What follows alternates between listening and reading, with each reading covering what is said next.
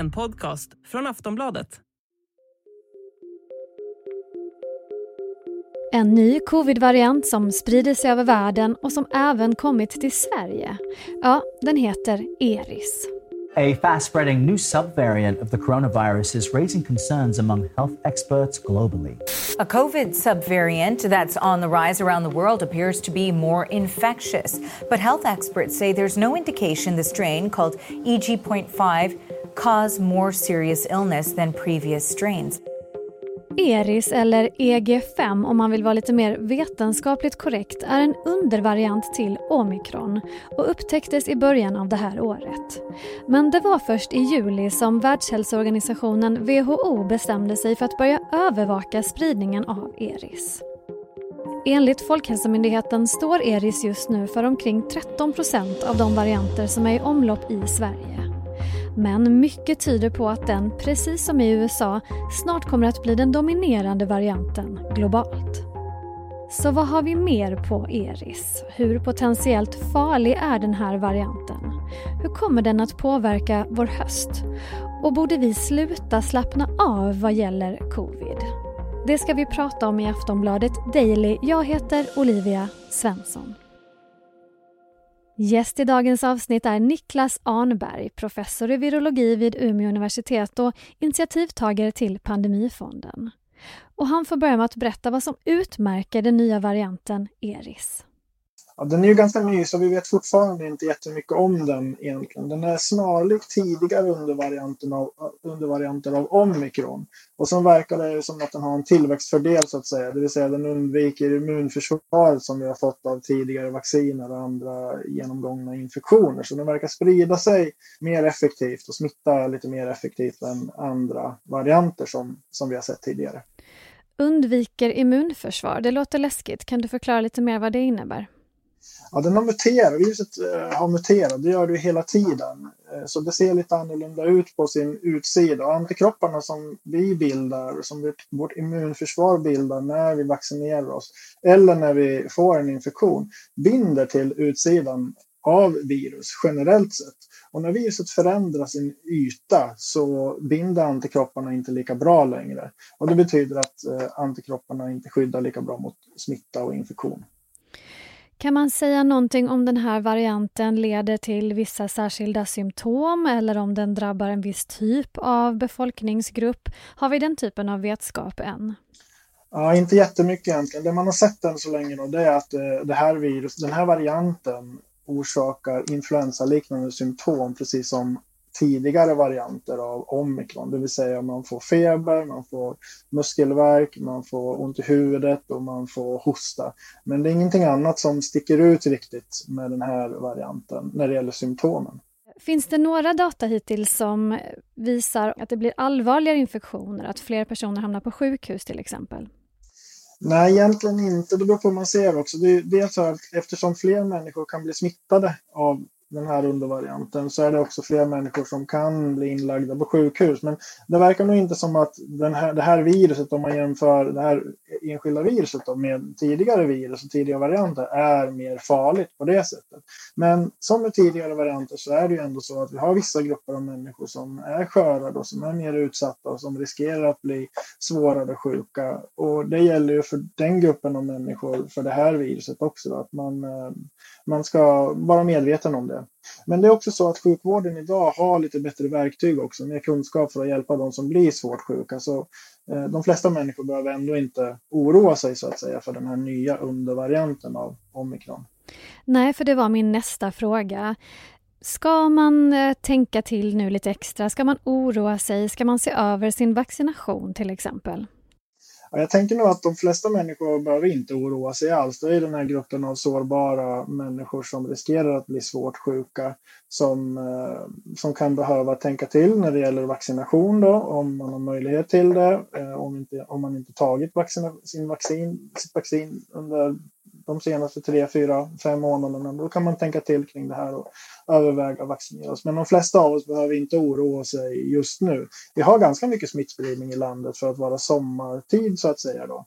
Och det är lite ovanligt för, för, uh, luftburna virus generellt eller droppsmitteburna virus generellt. Men de flesta av oss behöver ändå inte oroa sig, skulle jag säga. Inte här och nu.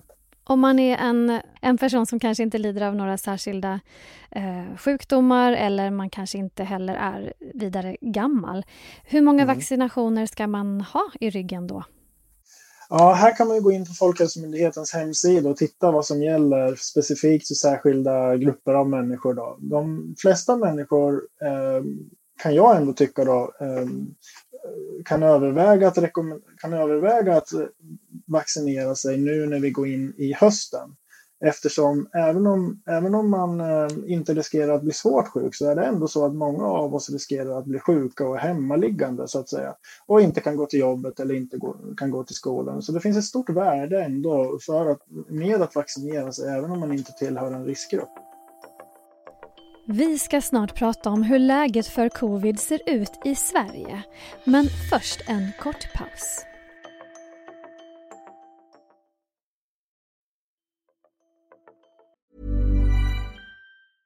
Ryan Reynolds here from Mint Mobile. With the price of just about everything going up during inflation, we thought we'd bring our prices down. So to help us, we brought in a reverse auctioneer, which is apparently a thing. Mint Mobile unlimited premium wireless. Ready to get 30, 30, bit to get 30, bit to get 20, 20, 20, bit to get 20, 20, bit to get 15, 15, 15, 15 just 15 bucks a month. So, Give it a try at mintmobile.com/switch. slash $45 up front for 3 months plus taxes and fees. Promo for new customers for limited time. Unlimited more than 40 gigabytes per month slows. Full terms at mintmobile.com.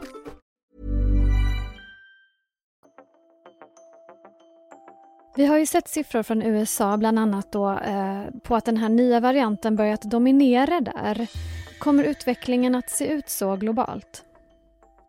Ja, det, det finns en sannolikhet att det kan bli så. Det är fortfarande lite tidigt att säga. Det har ju varit så tidigare att man har sett att vissa varianter är på väg att ta över och vissa av dem har gjort det och andra har inte gjort det. Exakt hur det kommer att bli nu för den här nya undervarianten av omikron, det, det vet vi inte riktigt. Men vi kommer nog få, se, få veta mer under de kommande veckorna om, om det här viruset eller den här varianten kan bli en sådan som tar över och dominerar över andra varianter. Ja, för det finns ju enligt Folkhälsomyndigheten en spridning då i Sverige även mm. eh, kring den här nya varianten. Hur, eh, hur ser läget ut här i vårt eget land? Ja, vi vet att varianten, den nya undervarianten av omikron har kommit hit i alla fall och eh, den finns i flera delar av Sverige. Vi vet ännu inte om den finns överallt i alla regioner, men sannolikt så är det så att många regioner redan har den här undervarianten. Folkhälsomyndigheten har ännu inte, de har haft lite uppehåll här nu under sommartiden här, så de kommer in med nya veckorapporter för covid inom kort antar jag och då kommer vi få veta mer. Men, men, men den har tagit plats den här nya undervarianten så den finns här.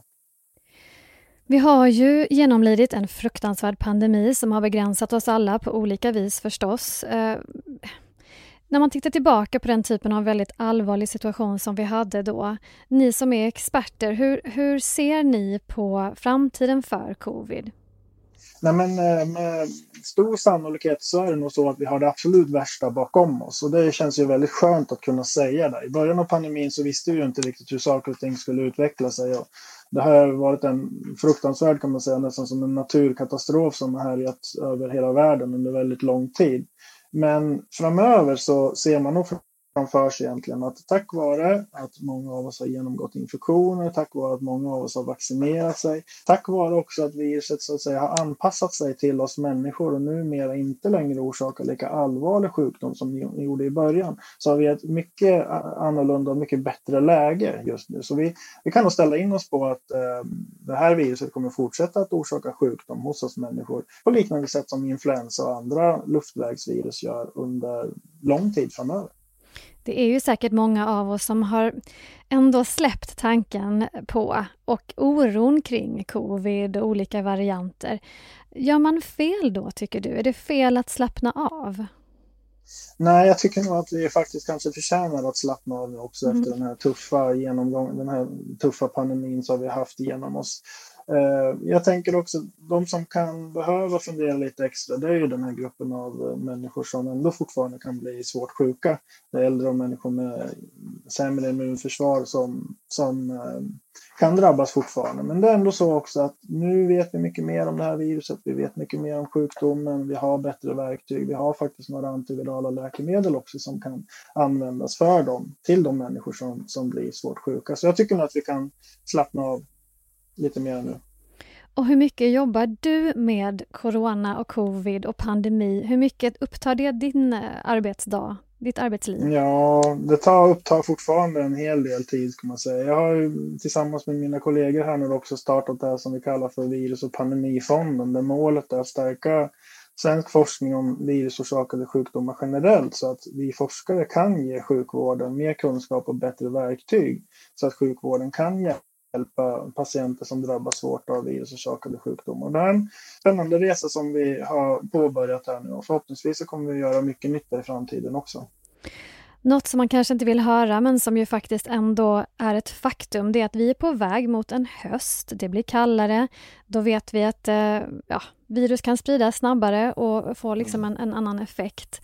Vad ser du för scenario framför dig när du tänker på hösten och, och covid och pandemi? Nej, men jag ser nog framför mig att eh, den här hösten och vintern kan bli tuff med avseende på covid. Eh, covid tillsammans med andra virusorsakade luftvägssjukdomar kommer att ställa till det för oss människor. Det kommer att ställa till det för primärvården, för äldrevården och även för sjukvården. Och det här är ett problem som vi skulle ha behövt jobb, börja jobba med och motverka och bekämpa för i större utsträckning och med mera kraft kan man säga långt tidigare. Men vi får göra vad vi kan nu i alla fall. Och förhoppningsvis är sjukvården tillräckligt rustad för att klara av covid och andra virusorsakade sjukdomar. Så att man eh, kan ta hand om dem och hjälpa dem och inte behöver ställa in annan sjukvård, viktig sjukvård, cancersjukvård och sånt också. Så jag hoppas att vi ska vara bättre förberedda nu än vad vi har varit under tidigare höstar och vintrar. Men du verkar inte helt övertygad? Om Nej, det, kom, det, kommer nog bli tufft. Jag ser framför mig att den här vintern kan komma att bli lika tuff som kanske förra vintern också. Eh, med avseende på belastning på sjukvården och många människor som blir sjuka. Men vi har ändå lite mer kunskap och vi har ändå lite bättre verktyg nu också för att bekämpa covid specifikt. Och vi är på väg att få fram en del läkemedel och vacciner mot andra virusorsakade sjukdomar också, såsom RS-virus. Ehm, så det kommer att kunna hjälpa oss en del, men vi skulle behöva ha ännu bättre verktyg, fler verktyg och mer kunskap om virusorsakade sjukdomar för att hjälpa sjukvården på ett tillräckligt bra sätt. Sist här Niklas Arnberg, professor i virologi vid Umeå universitet och initiativtagare till Pandemifonden. Det här avsnittet spelades in torsdagen den 10 augusti. Jag heter Olivia Svensson och du har lyssnat på ett avsnitt av Aftonbladet Daily. Och så hörs vi igen snart.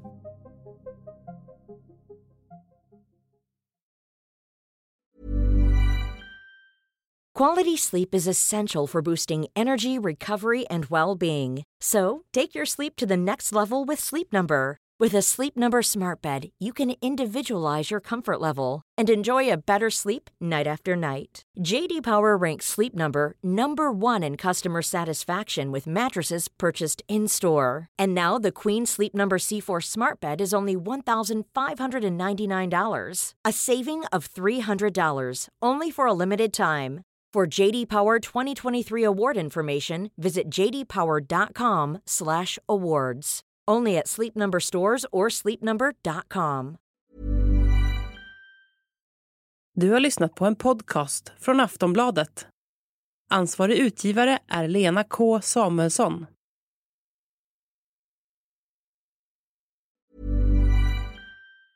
Tired of ads barging into your favorite news podcasts?